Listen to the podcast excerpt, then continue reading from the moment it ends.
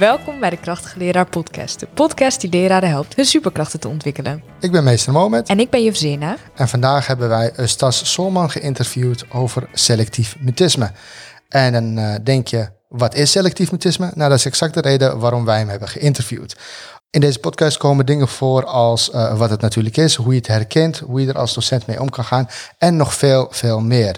Ja, en om deze reden eh, wil ik ook even benoemen dat eh, als je meer informatie wil na het beluisteren van deze podcast, je ook nog kan luisteren naar de webinar eh, die Eustas online gaat zetten op zijn website. En die gaan we ook linken. Ja, en dan heb je ook de mogelijkheid om online vragen te stellen als je die, als je die tijdens de webinar hebt. Eh, zijn boek Breek de Stilte eh, gaat over selectief mutisme en eh, de website heet ook breekdestilte.nl en daar zijn alle links te vinden naar de webinars. We zullen alle links in de show notes zetten. Ehm, veel plezier allemaal. Veel luisterplezier. Doeg. Doeg.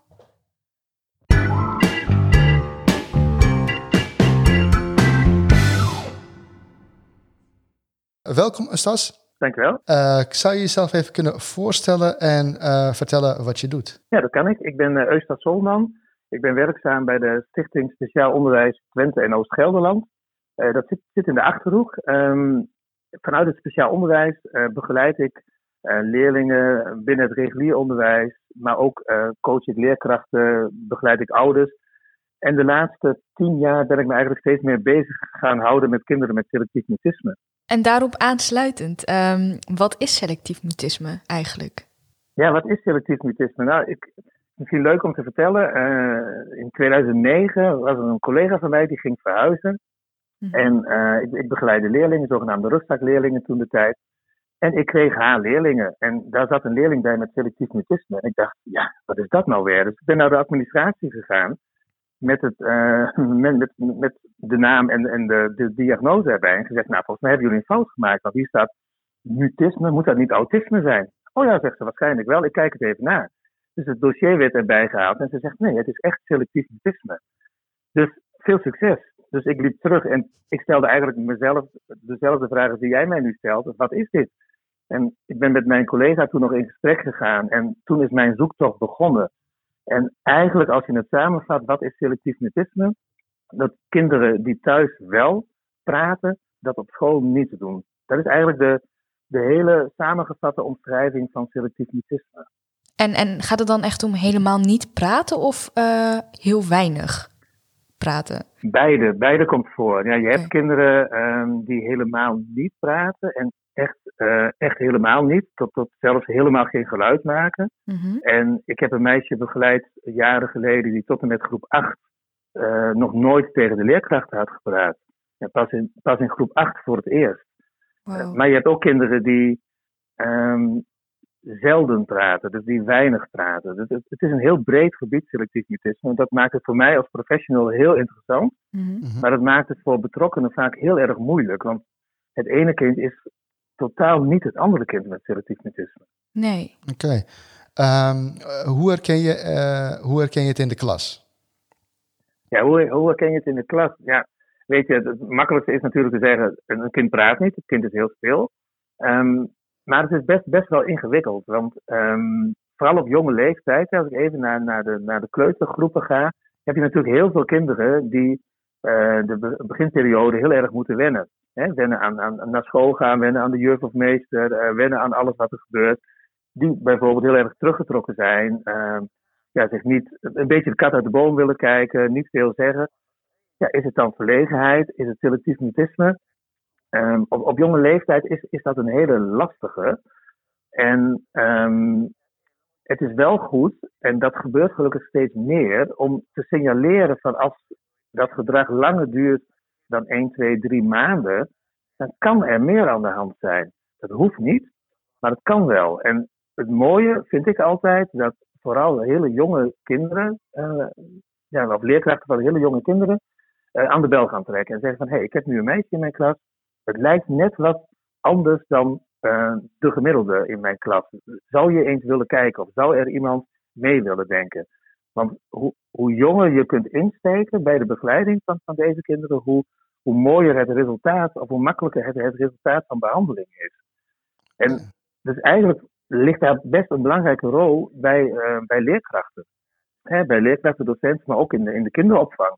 Uh, want het grote uh, kenmerk van selectief mutisme is dat de kinderen thuis echt nou, volop praten. Dat ouders wel eens zeggen, het mag wel wat minder.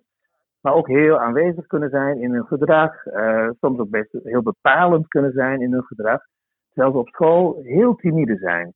Uh, weinig tot niks praten, maar soms ook heel veel andere dingen niet durven. Ouders hebben het beeld van het kind zoals het thuis is.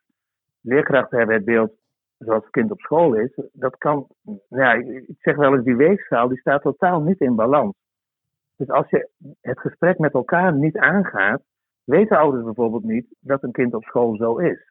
Dus ik vind die rol van die leerkrachten echt wel een essentiële bij de eerste signalering hiervan. Oké, en um, wat ik me dan afvraag is, is dat je zegt nu van hey, uh, uh, vroeg, vroegtijdig ingrijpen. Kan het zich ook mm -hmm. op een later moment ontwikkelen? Dus dat iemand pas in het voortgezet onderwijs of in groep 8 pas selectief mutisme gaat vertonen? Um, ja, dat is een hele lastige. Als algemeen ontwikkelt zich dat uh, in de leeftijd tussen drie en vijf jaar. Ja. Dus dat is zeg maar de leeftijd waarop kinderen naar de, naar de opvang gaan, hè, voor het eerst naar school gaan. Um, wanneer ze dus in, in nieuwe sociale situaties komen. Mm-hmm. Uh, ouders geven heel vaak aan um, van, ja, we hebben eigenlijk altijd al iets gemerkt aan onze zoon of dochter, dat, dat ze anders is dan, dan onze andere kinderen bijvoorbeeld. Maar in, op die leeftijd manifesteert het zich, want dan uh, gaan wij ook een bepaalde verwachting neerleggen bij kinderen. Hè? Hele jonge kinderen van een jaar of twee, tweeënhalf, drie. Nou ja, als, als kinderen daarin niet praten, wordt natuurlijk heel vaak gedacht, nou, het komt wel, hè, wat, wat traag in ontwikkeling. Maar zijn ze wat ouder, dan gaat het echt opvallen. Mm. Dus, dus dan, dan wordt het ook veel gesignaleerd. Um, het, het is eigenlijk, um, komt ja, zelden voor dat het zich op latere leeftijd ontwikkelt.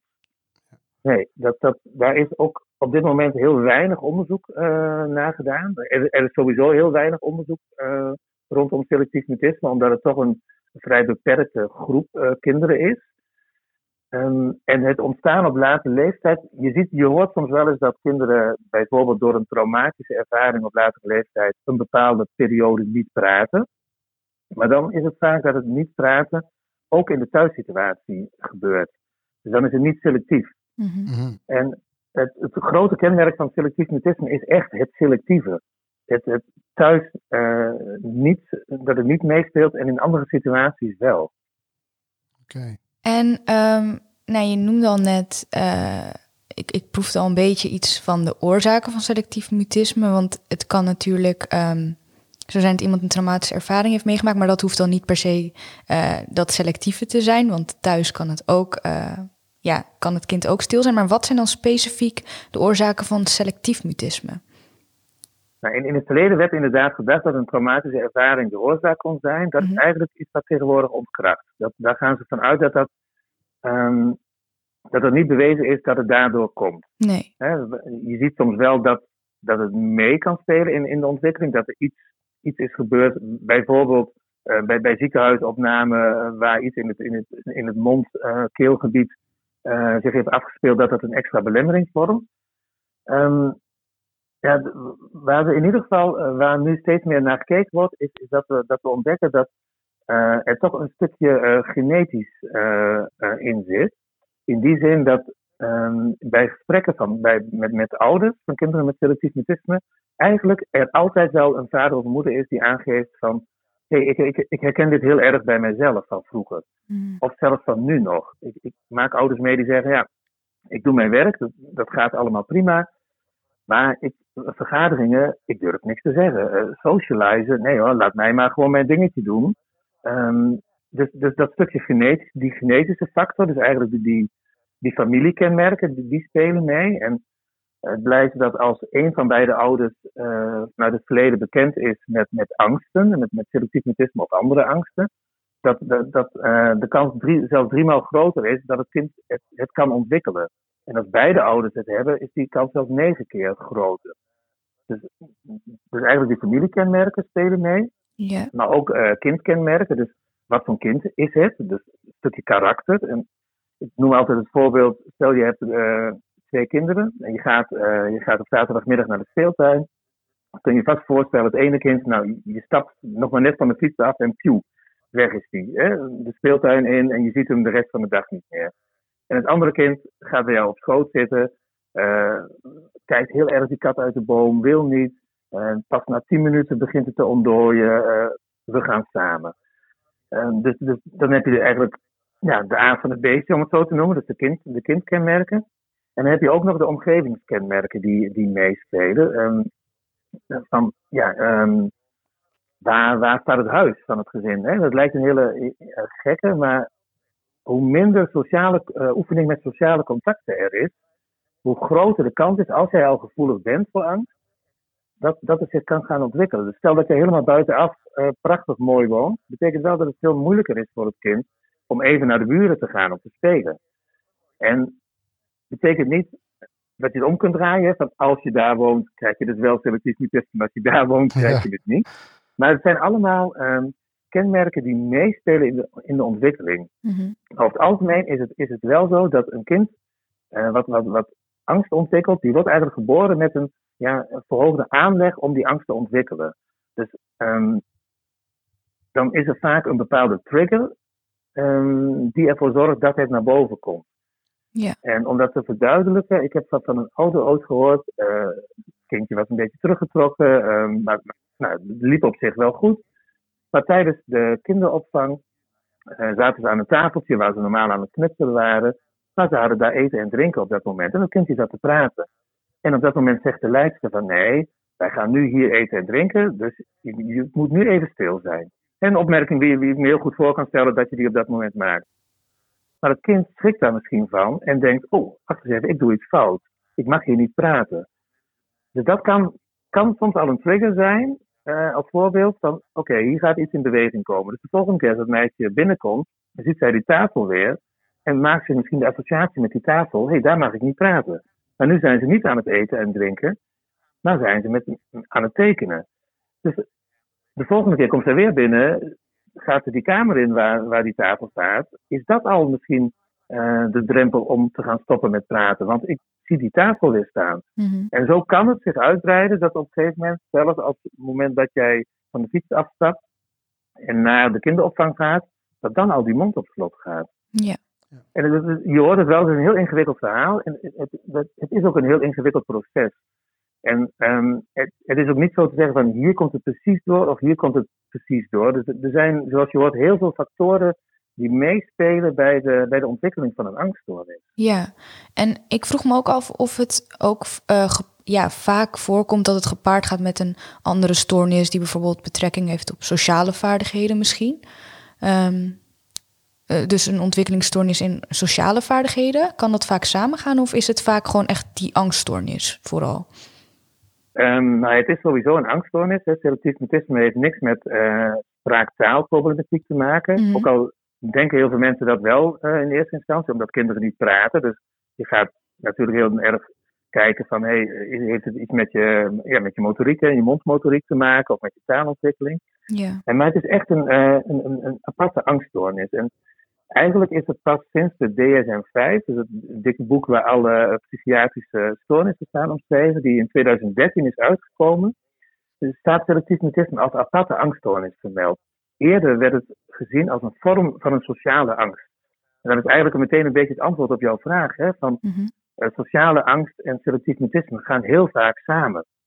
En ongeveer ja, rond de 50% van de kinderen die selectief mutisme heeft, heeft ook een bepaalde vorm van sociale angst. Dat hoeft niet altijd een sociale angststoornis te zijn, mm maar wel bijvoorbeeld dat ze niet prettig vinden om, om in een groepje iets te doen. Ja. Hè? Of dat ze niet uh, ergens naartoe durven gaan, uh, naar een nieuwe situatie. Mm maar er zijn ook kinderen met selectief mutisme waar echt alleen maar het niet praten het probleem is. Die, die nou, haantje de voorste zijn, die alles willen ontdekken, alles durven, alleen het praten niet. Ja tot, tot aan kinderen helemaal aan de andere kant van het spectrum, waar heel veel angsten meespelen. Waar, bijvoorbeeld die sociale angst, uh, separatieangst, komt ook bij, bij, een aantal uh, komt dat voor. Dus het, Valangst ook? Van, ja, ik zeg wel, Wat zeg je? Faalangst ook? Als ik denk aan dat voorbeeld van die tafel. Ehm, misschien wil ze het heel graag, of hij of zij het heel graag goed doen. Ja, dat is een hele goede. Ja, heel veel kinderen met selectief mutisme zijn op een bepaalde manier perfectionistisch. Mm ze, ze, willen het heel goed doen. Dus dat stukje faalangst, ja, dat, dat komt echt, uh, kom ik heel vaak tegen. En dat, dat is natuurlijk ook waar we in de klas heel erg mee te maken hebben als leerkracht. Want, want dat is natuurlijk uh, waar we naartoe willen. Hè, van, van wat, als jij als leerkracht deze kinderen hebt, uh, wat zie je dan? Dat was een van je eerste vragen. Van, ja, een kind dat stil is, maar ook een kind dat heel veel dingen niet durft. Of een kind dat uh, geen fouten durft te maken. Ja. of kinderen die weigeren aan het werk te gaan. Zo lijkt het. Hè? Het lijkt weigeren, dat is mhm. de buitenkant. Maar de binnenkant is eigenlijk, ik weet het niet zeker. Ik twijfel over mijn antwoord. Nou ja, als ik twijfel kan ik beter niks invullen. Maar dan staat er ook geen fout. Ja. Dus, dus dat is wel een hele goede dat je dat zegt. Die faalangst, ja, dat komt, komt heel vaak voor. Ja. Um, dan komen we dus bij zo'n leerling, uh, die zit dan bij jou in de klas. Uh, hoe ga je daar als docent mee om? Nou, het is sowieso belangrijk dus dat je het uh, zo vroeg mogelijk moet signaleren. Maar hoe ga je er als docent mee om als je zo'n leerling in de klas hebt? Wat zijn um, tips die je ja, kan geven? Leerling, ja, ja, zeker. Ja, nee, uh, wat een hele belangrijke is, wat je zegt, hè, dat stukje signaleren, maar ook in gesprek gaan. In gesprek gaan met ouders. Hè, van je zorgen delen met je collega's, met, met de, de, de leerkracht, de docent van het jaar daarvoor. Um, want het is, het is een hele ingewikkelde uh, problematiek. En tegelijkertijd kun jij als leerkracht een heel groot verschil maken voor deze kinderen. En een van de belangrijkste dingen vind ik eigenlijk dat je het kind uh, laat weten, letterlijk door, door het te zeggen, het is prima zoals jij nu bent. Hè? ik, ik, ik weet dat jij het lastig vindt om hier op school te praten. Dat is prima.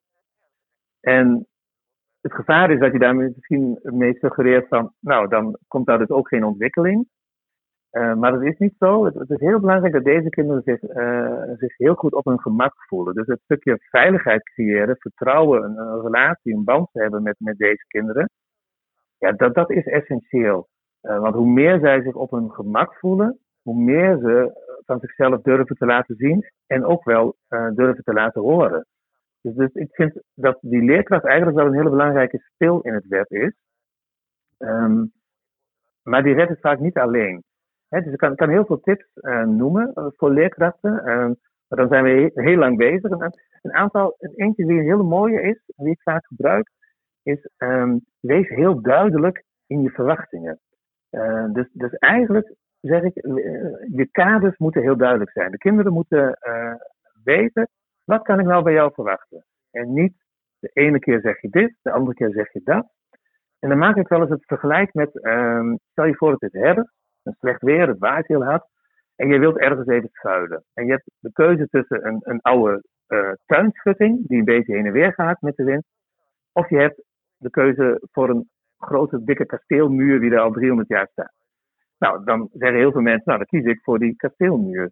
Maar wat ik heel vaak zie, is wat wij als volwassenen doen, bij kinderen met angst, is een beetje die schutting zijn. Van, oh, ik zie dat je het lastig vindt. Oh, wacht maar, dat hoeft het niet. Hè? Oh, nee, jij hoeft het niet te doen. Nee, maar nu moet je het wel doen. Nee, maar nu hoef je het niet te doen. Dat lijkt heel fijn voor het kind, maar het beste kun jij als docent, als leerkracht, staan als die kasteelmuur. Ik weet dat jij het lastig vindt en ik ga je erbij helpen, maar zo gaan we het doen. Want dat, dat, uh, ja, dat geeft vertrouwen richting de kinderen. En dat is wat ze nodig hebben. Dus juist die afkadering, die regels. En tussen die regels door natuurlijk heel goed kijken naar het kind. Mhm. Maar daarmee uh, geef je eigenlijk positiviteit richting het kind. Ja. ja. Gewoon vooral duidelijkheid en veiligheid, eigenlijk. Duidelijkheid, veiligheid, ja. Dat, en dat zijn natuurlijk hele uh, ja, grote begrippen die voor alle kinderen belangrijk zijn.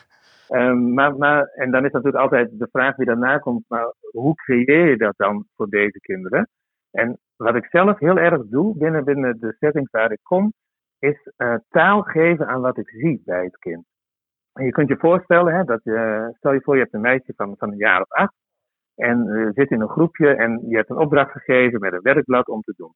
Vervolgens blokkeert dat meisje en dat kan, dat kan eruit zien doordat, uh, je kunt voorstellen, dan gaat een beetje voorovergebukt zitten, uh, die lange haren gaan een beetje voor haar gezicht, schoudertjes gaan omhoog. Dan zie jij eigenlijk al de signalen van, hey, jij loopt vast, jij blokkeert. Wat ik op dat moment heel vaak doe, is, is dat benoemen. Dan zeg ik van, ik zie dat, dat, dat, dat, jij, dat het nu niet lukt. Want je schouders gaan omhoog, uh, je haren zitten voor je gezicht. Kom eens even, doe eens even die, uh, die haren naar achter, doe eens even die staart in. Ik ga jou hierbij helpen. Want door taal te geven aan wat je ziet, uh, laat je ook weten aan het kind van, hé, hey, ik zie jou, ik snap jou. En ik ga jou daarbij helpen. Dus dat, dat, dat vind ik altijd wel een hele belangrijke voor leerkrachten. en daarmee creëer je dus die veiligheid. Die veiligheid is een, soms een heel abstract begrip. Dus probeer hem heel concreet uh, te maken. En dat kan bijvoorbeeld op deze manier. Ik vroeg me af hoe, dat dan, hoe je dat als leraar met andere leerlingen doet. Dus stel je hebt een leerling in de klas met selectief mutisme. Uh, en het gaat dus heel erg om die veiligheid. hoe zorg je mhm. ervoor dat de andere leerlingen eigenlijk ook een soort van zorg of verantwoordelijkheid dragen ten opzichte van het kind dat dan selectief mutisme heeft, zodat hij zich veilig voelt? Ja, dat is een, dat is een hele goede. En wat je vaak ziet bij, bij de jongere groepen, dat het eigenlijk geen probleem is. Hè. Kinderen worden geaccepteerd als, uh, als ze niks zeggen of als ze wel meedoen zonder praten. Mm hoe ouder kinderen worden, hoe, nou ja, hoe moeilijker dat kan zijn. Um, wat ik zelf heel belangrijk vind en wat, uh, wat, wat, ook ouders en maar ook kinderen wel aangeven, uh, breng anderen op de hoogte van wat er speelt. Hè, en wat ik zelf heel vaak doe als ik start met een begeleidingstraject bij, bij een leerling, dat ik even in een kring ga zitten in de klas en heel kort uitleg geven. Van, nou, dit is Frank. Uh, nou, nee, niet op die manier, hè, want dan zet je het kind natuurlijk heel erg in die, uh, in die schijnwerpers. Maar je gaat gewoon heel, je gaat een gesprekje aan van wie is er wel eens bang. En dan begin ik altijd bij mezelf. Hè. Ik heb, nou, je kunt genoeg voorbeelden verzinnen van waar je bang voor bent. En nou, je noemt een aantal voorbeelden, dus je ziet dat er dan steeds meer vingers omhoog gaan. Je geeft een aantal kinderen de beurt. En de ene is bang voor honden, de andere is bang voor het donker, die is bang, die heeft hoogtevrees. En dan geef ik ook wel eens het jongetje of een meisje de beurt waar ik voor kom, met selectief mutisme. En dan hoor je heel vaak dat anderen zeggen, ja nee, maar zij praat niet. Ik nee, wacht eens even. Ze kan heel goed praten, maar daar is zij dus nu op school nog bang voor. want jij was bang voor honden, jij was bang voor dit. En, en, zij is bang om te praten. En daarom kom ik en ik ga allemaal uh, oefeningen, spelletjes met haar doen. En soms mogen jullie mee om haar te helpen met het praten. En dan maak ik het vergelijk altijd van als kinderen bang zijn voor honden, zeg ik altijd: als je bang bent voor honden en je wilt toch leren met honden omgaan, moet je dan gaan oefenen met een klein lief hondje, of moet je dan met een grote hond gaan oefenen? Nou, nee, met een klein lief hondje meester. Nou, dus dat, oké, dus Stel dat je het moeilijk vindt om te durven praten, moet je dan met kleine dingetjes beginnen, met geluidjes en spelletjes, of moet je meteen met hele zinnen beginnen? Nee, met kleine spelletjes, met geluidjes. Dus zo geef ik eigenlijk heel kort, nou dit is soms vijf of tien minuten, een, een soort van voorlichting in de klas, zodat ze ook weten uh, waarom kom ik elke week, waarom neem ik uh, hem of haar mee, mm en wat ga ik doen en wat willen we bereiken. Ja. Dus, dus de klas erbij betrekken, um, ja, dat is heel positief. Ja, inderdaad. Ja, want dan komen we eigenlijk bij de vragen waar jij eigenlijk mee bezig bent. En wat zijn momenteel de behandelingen om, om ervoor te zorgen dus dat iemand uit het selectief mutisme komt?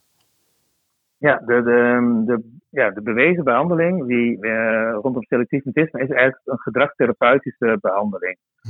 En binnen Nederland zijn er op dit moment eigenlijk twee uh, behandelprotocollen die, die, die goede resultaten bieden. Dat is uh, praten op school een kwestie van doen. Dat is ontwikkeld door het um, Kinderpsychiatrisch Centrum de Bascule in Amsterdam. En je hebt uh, Spreek voor zich. Dat is ontwikkeld door het UMC in Utrecht. Beide behandelprotocollen zijn gedragstherapeutische ja, behandelingen. En dat betekent eigenlijk, als je iets wilt leren, moet je het gaan proberen. Dus ze noemen dat wel die exposure moet je aangaan. Dus uh, we gaan niet de moeilijke situaties vermijden, maar we gaan ze juist aan. Want door een situatie aan te gaan, ga je merken, hé, hey, ik durf het wel, het lukt mij wel. En kun je vervolgens die, die, die stapjes kun je gaan uitbreiden. En het, het is deels het um, ja, leren uh, praten, maar vooral ook het leren durven. Dus dat, een kind merkt, um, hey, ik heb minder last van, van die faalangst, hè, wat ik straks ook noemde. Um, ik, ik, durf het wel, het lukt mij wel. En het klinkt niet alsof dat heel bewuste stappen zijn voor het kind. Maar richting het kind ziet het, het ziet er eigenlijk uit van, uh, we doen steeds heel veel uh, spelletjes. Maar die spelletjes, uh, de behandelaar weet precies van, hey, maar bij dit spelletje, dat vraagt een verbale reactie van het kind. dus, dus, dus, je moet heel goed in je hoofd hebben als behandelaar van welke onderdelen, welke spellen zijn geschikt om met deze kinderen aan de slag te gaan. Dus je, je oefent als het ware het, het durven spreken. Mhm. En je begint vaak um, ja, één op één met, met, met het kind, hè, in, in een kamertje op school of vanuit een, vanuit een praktijk. Uh, maar uiteindelijk wil je die vertaling naar die schoolsituatie maken. Dus stel je voor, um, even een voorbeeld, een kind dat, wat ik al langer in uh, begeleiding heb, speel ik dat spelletje Wie is het? Ken je vast wel, hè, dat je die twee spelborden hebt. Uh, heeft hij van jou een bril, heeft hij een kale hoofd, hè, met, die, die, met die kaartjes. Nou, dat lukt op een gegeven moment. Het kind praat bij mij maar bijvoorbeeld nog niet met andere kinderen. Wat je dan gaat doen is de activiteit hetzelfde houden, maar de situatie veranderen. Dus bijvoorbeeld, we zitten in het kamertje, maar we gaan langzaam richting die klas. We gaan een keer oefenen met de deur open. Of we gaan een keer oefenen in de gang. Of we gaan zelfs een keer oefenen achter in de klas. Misschien nog even achter een kast. Dus je gaat langzaam de situatie veranderen. Of andersom, je haalt kinderen of de leerkracht er voorzichtig bij in je behandelkamer waar je, waar je zit. Dus dat je zegt nou, we gaan één keer het spelletje speel je met mij. Het tweede spelletje ga je, uh, pakken, halen we jouw vriendinnetje erbij. Dan spelen we één spelletje. Het derde spelletje halen we die erbij. Dus zo probeer je de, de situatie steeds te veranderen. Terwijl je wel heel duidelijk de verwachting neerlegt bij het kind dat het gewoon doorgaat met wat het al kan. Dus in dit geval het spelletje spelen. Ja. Is een angststoornis. En bij angst heb je met drie uh, reacties te maken: het vechten, het vluchten of het bevriezen. En wat je heel vaak ziet bij kinderen met selectief mutisme is het laatste, het bevriezen. Het letterlijk uh, ja, blokkeren, verkrampen, omdat er iets verwacht wordt van ze. Bijvoorbeeld een verbale reactie. Alleen, het is niet alleen het verkrampen van je mond. Bij sommige kinderen wel, maar er zijn ook een aantal kinderen die compleet in de, ja, ik zeg wel eens in de stress schieten, dat hun hele lichaam verkrampt. En ik heb kinderen meegemaakt, um, en dat kun je bijna niet voorstellen, die thuis ontzettend lenig zijn, handstanden, uh, koprollen, maakt niet uit wat. En binnen de schoolse setting lopen als een soort robot. Ja, kun je je voorstellen, helemaal stapje voor stapje met, met, met uh, ja, hoekerige bewegingen. Doordat ze zo verkrampt zitten in die angst. En als dat meespeelt, zet ik ook altijd heel erg in uh, dat een kind leert, uh, ja, zeg maar, soepel te durven bewegen. Want als jij zo verkrampt zit in die angst, met je hele lichaam, ja, dan kun je wel beginnen met, met een stukje verbaal iets, maar dat, dat, ga je, dat ga je in het begin echt niet redden. Dus dan zit je echt heel lang in die non-verbale fase, met veel beweging er bijvoorbeeld bij. Want als jij spelletjes doet met beweging, met actie, 9 van de 10 kinderen vinden dat mooi om te doen. dan, als jij in beweging bent, denk je niet meer uh, aan de angst die, uh, die, die, ja, die bij jou meespeelt. Want je wilt het spelletje winnen. En een heel mooi voorbeeld daarvan, waar je aan kunt denken, is um, kaarsjes uitblazen. Dat is ook altijd een van de beginstappen die je doet met, met kinderen. Uh, en dan kun je ervoor kiezen om te gaan zitten naast elkaar kaartjes uitblazen. Maar wat het heel leuk maakt, is als ik in een, een leeg lokaal zit, dan zetten we de kaartjes aan de andere kant neer. Wij staan hier en dan zeg ik tegen, tegen het kind van, oké, daar staan de kaartjes, dat kaartje is voor jou, dat kaartje is voor mij. Ik ga tot drie tellen, dan rennen wij en blazen we de kaartjes uit. Daar komt hij. 1, 2, 3. En ik begin te bewegen. En voordat eigenlijk het kind kan nadenken, hé, maar wat heb je nu gezegd? wat ga je doen? Wil ik dat wel, wil ik dat niet? Zie je dat het kind meegaat in beweging? En natuurlijk zorg ik er vooral in het begin voor dat het kind altijd als eerste bij het kaartje is. En blaast hij zijn kaartje uit. En dan heeft hij eigenlijk ervaren van, hé, ik ben in actie gekomen, ik durf iets. En als ik zou vragen aan het kind, ik ga dadelijk tot drie tellen, zul jij dan meerennen? Nou, dan is de, heel, de kans heel groot dat, dat het kind het niet doet. Dan gaat hij erover nadenken. Dus, dus door in die activiteit, in die beweging te zitten, merk je dat je, dat je gaat versoepelen bij het kind. Ja, ik vind dat wel mooi, want ik heb ook al wel eens gehoord dat angst vaak opgeslagen ook kan zitten in iemands lichaam of zich ja, in iemands lichaam kan gaan begeven. Dus uh, ja. zeker goed dat je dat ook benoemt. Ja. Ja. ja, nee, angst en trauma kan inderdaad uh, echt in je, in je lichaam zitten. En dan is het juist heel mooi om, om een stukje beweging in te zetten. Ja. Waar, waar, je wel heel goed op moet letten als behandelaar. Dat je alleen vanuit die beweging het kind waarschijnlijk niet aan het praten krijgt. Daar, daar is echt wel die specifieke behandeling voor nodig. Ehm, zelf zie ik die behandeling, dat het behandelprotocol meer als een kapstok waar ik mee werk. Mhm. En maak ik soms uh, ja, het stapje naar beweging, maar soms ook het stapje naar, naar creativiteit bijvoorbeeld, hè, als dat heel goed bij een kind past.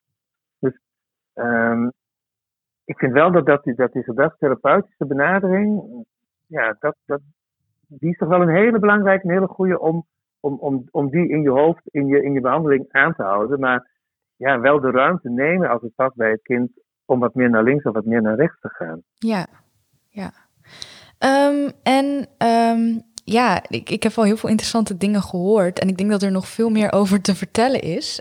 Um, ja. Maar uh, voor de luisteraars, waar zouden zij eventueel meer informatie hierover kunnen opdoen? Uh, ja, gelukkig is er tegenwoordig steeds meer informatie te vinden. Als je het vergelijkt met een jaar of tien geleden, uh, was er ook op internet vrij weinig te vinden. Um, nou ja, zelf um, heb ik een boek geschreven. In, uh, die is in november 2018 uh, uitgekomen. Die heet Breek de Stilte. En die gaat dus over kinderen met selectief en extreme verlegenheid. Uh, dus ja, daar staat natuurlijk heel veel informatie in. Uh, ook een speciaal hoofdstuk uh, voor leerkrachten. Dus dat kan ik doen in de klas om deze kinderen te helpen. We hebben een paar voorbeelden benoemd, benoemd maar er zijn er nog veel meer. Ja. Maar ook een speciaal hoofdstuk voor ouders. Want um, we richten ons nu natuurlijk steeds op school, maar ook voor ouders is het soms een hele erge zoektocht. Dus als je zou kijken op mijn site, uh, vind je ook onder andere heel veel informatie. En daar heb ik ook weer links staan naar andere interessante sites uh, over selectief mutisme. En misschien ook heel leuk om te noemen, um, daar, ik schrijf regelmatig artikelen in verschillende onderwijsbladen over selectief. En de meeste artikelen die zijn ook via mijn site als, als, als pdf gratis te downloaden. Dus um, ik merk ook in het onderwijs, nou een boek is heel interessant, maar in de drukte van, van het werk kom ik soms niet toe om een heel boek te lezen. Maar een artikel van drie bla bladzijden, nou, dat lukt mij wel. Ja.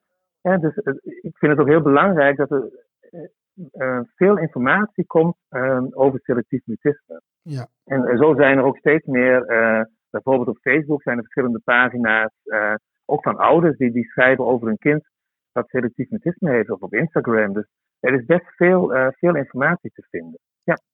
En uh, voor, voor, docenten is het dan misschien handig, omdat ze een heel boek niet kunnen lezen, om een, om een training te volgen. Is er een mogelijkheid ook om een training te volgen? Ja, weet je, dat is, is wel leuk dat je dat zegt. Want een, een training is, is, is er niet, niet echt. Maar um, ik, ik, ik word veel gevraagd om voor lezingen te geven, hè, maar dat, ja, dat ligt momenteel natuurlijk in verband met alle coronamaatregelen. Uh, is dat heel lastig. Dus ik ben, mhm. ik ben eigenlijk begonnen met het organiseren van webinars. Uh, dat ga ik de komende maanden um, wil ik daarmee aan de slag gaan. Om, omdat ik merk dat er heel veel interesse is om informatie te krijgen, wat jij ook zegt. En vooral ook om uitleg te krijgen, maar ook om vragen te kunnen stellen. Dus um, nou, via mijn site breektestilte.nl kunnen mensen ook kijken. Er staan, staan een aantal webinars beschikbaar waar mensen zich kunnen inschrijven. En dan de insteek van een webinar is eigenlijk dat we ongeveer drie kwartier, um, ja, dat ik een soort lezing geef uh, online. Maar dat er daarna ook een half uur de tijd is om, ja, om vragen te stellen. Dus om, om interactie te krijgen met, met de deelnemers. Ja. omdat je op die manier eigenlijk heel laagdrempelig toch uh, ja, mooie informatie kunt delen waar, waar de leerkrachten direct wat aan hebben. Ja, ja dat laatste, om de mogelijkheid om vragen te stellen, is, uh, zou wel heel fijn zijn voor, uh, voor docenten en leerkrachten. Ja, en natuurlijk red je het niet om, om alle vragen te beantwoorden. Dus mm. ik, ik, kies een vijf, zestal vragen uit die ik behandel. Maar alle vragen die gesteld worden, probeer ik wel ook ja, daarna nog heel kort schriftelijk even op terug te komen. Dus dus eigenlijk de vraag die, die, die gesteld wordt tijdens een webinar, mag ervan uitgaan dat daar een antwoord op komt. We zullen alle links in de show notes zetten, dus daar kun je alles vinden. Um, uh, Ustas, heel erg bedankt voor je tijd en informatie. Ja, jullie bedankt voor dat je dit uh, um, hoe het, in, in, in schijnwerpers wilt zetten. Want dat is, dat is ondertussen ook een beetje uh, ja, een, een, stukje van mijn persoonlijke missie geworden, kun je het bijna ja, noemen. Ja. Om, om, gewoon heel veel bekendheid rondom dit dit thema ja, te, te, geven. Ja, nou, de en ik vind het alleen maar fijn dat jullie dat willen doen, zeker, ja. Ja, de reden dat we dat willen doen is omdat het was, het, het, het was voor ons ook onbekend, inderdaad, voordat... ja voordat we uh, hiermee in aanraking kwamen. En uh, dus vandaar dus dat uh, we het ook heel erg belangrijk vinden, dus dat we zulke goede informatie delen met ons, met ons publiek. dankjewel, Justas. En, ja, ik hoop dat alles duidelijk genoeg was. Want op een gegeven moment merk ik wel, het is best lastig omdat je gewoon ja, tegen je telefoon aanpraat. Hè, dat, dat is mooi. Mist die interactie een beetje. Ja, nee, ja, nee, dat klopt. Dat, uh, ja, ja, ja, want je, normaal gesproken zit je natuurlijk bij elkaar en dan zie je ook uh, die non-verbale interactie. Dus dat vind ik zelf altijd heel fijn. Ja. Dus, uh, maar dit is, dit is wel een mooie oefening voor mij voor de, voor de webinar. Voor de webinar, ja. ja. Natuurlijk ook tegen mijn, tegen mijn laptop. Dus ja. Ja, jullie ontzettend bedankt en ik, ik, ik zie er uit om jullie live te gaan ontmoeten. Dankjewel. Hey, dankjewel. Doei. Doeg. Hi. Dank je, doei.